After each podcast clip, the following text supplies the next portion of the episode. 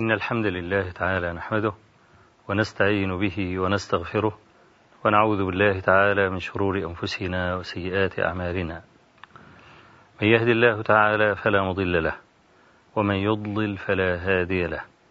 وأشهد أن لا إله إلا الله وحده لا شريك له وأشهد أن محمدا عبده ورسوله. أما بعد فإن أصدق الحديث كتاب الله تعالى وأحسن الهدي هدي محمد صلى الله عليه وآله وسلم. وشر الأمور محدثاتها وكل محدثة بدعة وكل بدعة ضلالة وكل ضلالة في النار. اللهم صل على محمد وعلى آل محمد كما صليت على إبراهيم وعلى آل إبراهيم في العالمين إنك حميد مجيد.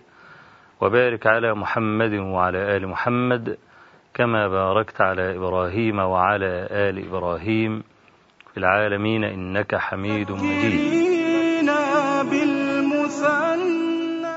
يقول أبو خالد الأحمر أيضا ذاكرا عن الأعمش وكان الأعمش صاحب دعابة وصاحب تعليقات ساخرة كما سيأتي. بيقول أن الأعمش لقي إبراهيم النخعي في الطريق. إبراهيم النخعي ده أحد مشايخ الأعمش. والأعمش أعمش في وجهه عمش يعني يعني لم يكن جميل الصورة. وإبراهيم النخعي كان أعور. فهم بقى الاثنين ماشيين مع بعض. فقال إبراهيم للأعمش مازحا إليك عني. يعني أنت روح من سكة وأنا من سكة. ليه؟ قال أعمش وأعور. يعني الاثنين ماشيين جنب بعض. يعني هيبقوا يعني مدعاة لسخرية الناس. وإنهم يضحكوا عليهم والكلام ده للصورة مش راكبة خالص. أعمش وأعور. فقال له الأعمش بل نمشي معا ويأثمون. اللي عايز يتريق علينا ويسخر منا هو حر يشيل الإثم على كتافه. فقال له إبراهيم بل نفترق ويسلمون. شوف بقى يعني كلام إبراهيم تحته معنى كبير. ألا وهو محبة السلامة للمسلمين. مش عايز يوقع حد في الغلط. لا يريد أن يوقع مسلما في خطأ. فكان إحنا هنفترق. ويسلم الناس من السخرية بنا حتى نسلط على حسناتهم يوم القيامة. لا ده سلامة المسلم مقدمة على أن نمشي مع بعضنا البعض قال عثام بن علي قيل للأعمش ألا تموت فنحدث عنك. فقال لهم كم من حب أصبهاني كسرت على رأسه كيزان كثيرة. أنت عارف أحيانا يعني بعض المشتغلين بالحديث من أصحاب الأسانيد. كان يتمنى أن يموت المحدث. ليه؟ حتى يفشي أحاديثه ولا يصل الناس إلى حديث المحدث إلا من خلاله هو. يعني لو إن مثلا عالم من العلماء وأنا لي خصوصية بهذا العالم. العالم ده مات. هناك رواة كثيرون لم يدركوا هذا العالم ولم يروه. طب لو عايزين يحدثوا بأحاديث هذا العالم هيعملوا إيه؟ هيقول لي أنا. أحيانا المحدث بيتمنى أن يموت شيخه عشان يبقى هو الإيه؟ البوابة بتاعته. فواحد بيقول للأعمش إيه؟ بيقول له ألا تموت؟ فنحدث عنك. يبقى إحنا البوابة بقى بدل ما يقولك يسمعوا عنك مباشرة إحنا الاثنين زملاء فيك لا يقول لي أنا أنا الباب وأنا أوصلهم. فقال لهم كم من حب أصبهاني الحب اللي هو الزير. تعرفين الزير الفخار اللي هو بيتحط فيه مية ده؟ ده اسمه حب. كم من حب أصبهاني انكسرت عليه كيزان كثيرة. أنت عارف الكوز بيبقى طول كده. يعني عايز يقول يعني إيه؟ وكم من صحيح مات من غير علة وكم من سقيم عاش حينا من الدهر. يعني بقول له يعني يا مناس ماتوا شباب في حياتي. وما لحقش يستمتع بإن أنا أموت في حياتي علشان إيه؟ علشان يروي يروي عني. نعم. قال أبو بكر قال أبو عوانة. أبو عوانة اسم وضاح ابن عبد الله اليشكري. قال أعطيت امرأة الأعمش خمارا. فكنت إذا جئت أخذت بيدي فأخرجته أخذت بيده فأخرجته إلي. تعرفين من المرة اللي فاتت إحنا قلنا أن الأعمش رحمه الله كان كفيفا كان كفيف البصر. فيعني أبو عوانة اتخذ جميلا عند امرأة الأعمش وجاب لها خمار فيعني حفظت الجميل فكل ما يجي أبو عوانة على الباب والمرأة تعرف إن هو أبو عوانة لما يستأذن تقوم تاخد الأعمش بإيده كده وتطلعه لمين؟ لأبي عوانة. فأبو عوانة بيقول للأعمش إيه؟ لي إليك حاجة. قال وما هي؟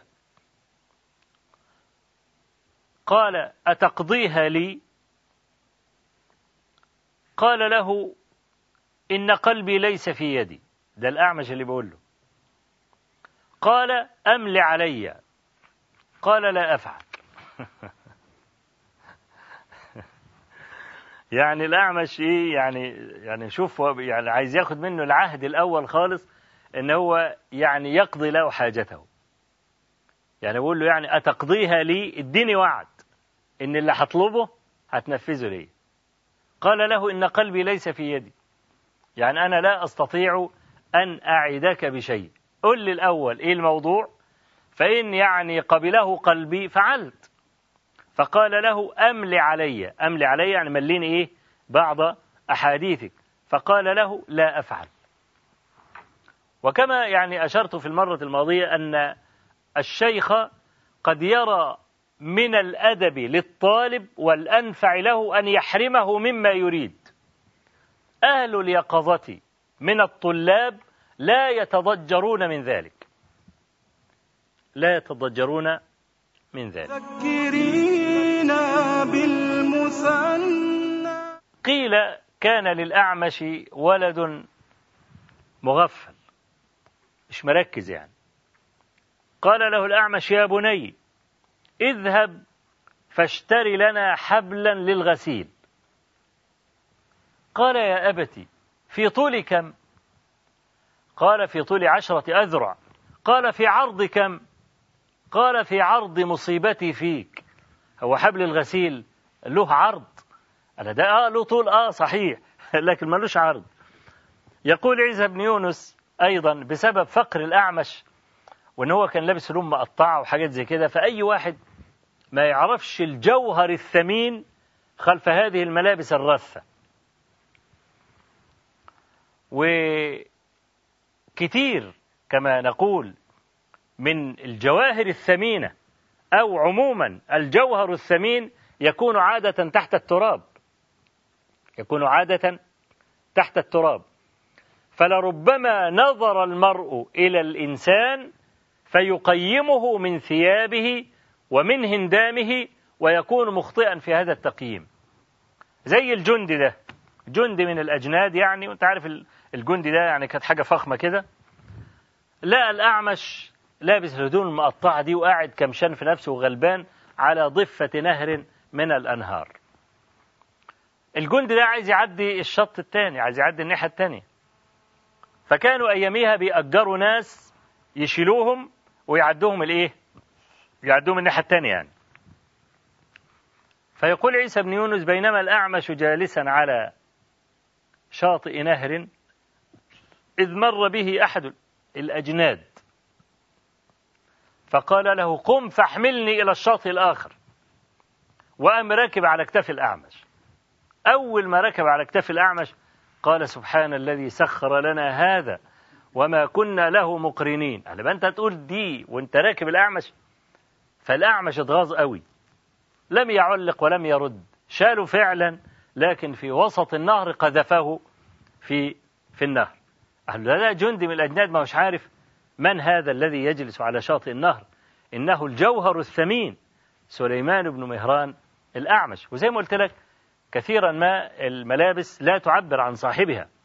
فلا تغتر. رب أشعث أغبر كلام النبي عليه الصلاة والسلام ذي طمرين لو أقسم على الله لأبره. رب أشعث أغبر مدفوع بالأبواب ذي طمرين لو أقسم على الله لأبره. قال محمد بن عبيد محمد بن عبيد الطنافسي أخو يعلى ابن عبيد وكلاهما كان يروي عن الأعمش. جاء رجل نبيل كبير اللحية إلى الأعمش يعني لحيته كده يعني. وصلت سرته يعني. فسأله مسألة خفيفة في الصلاة.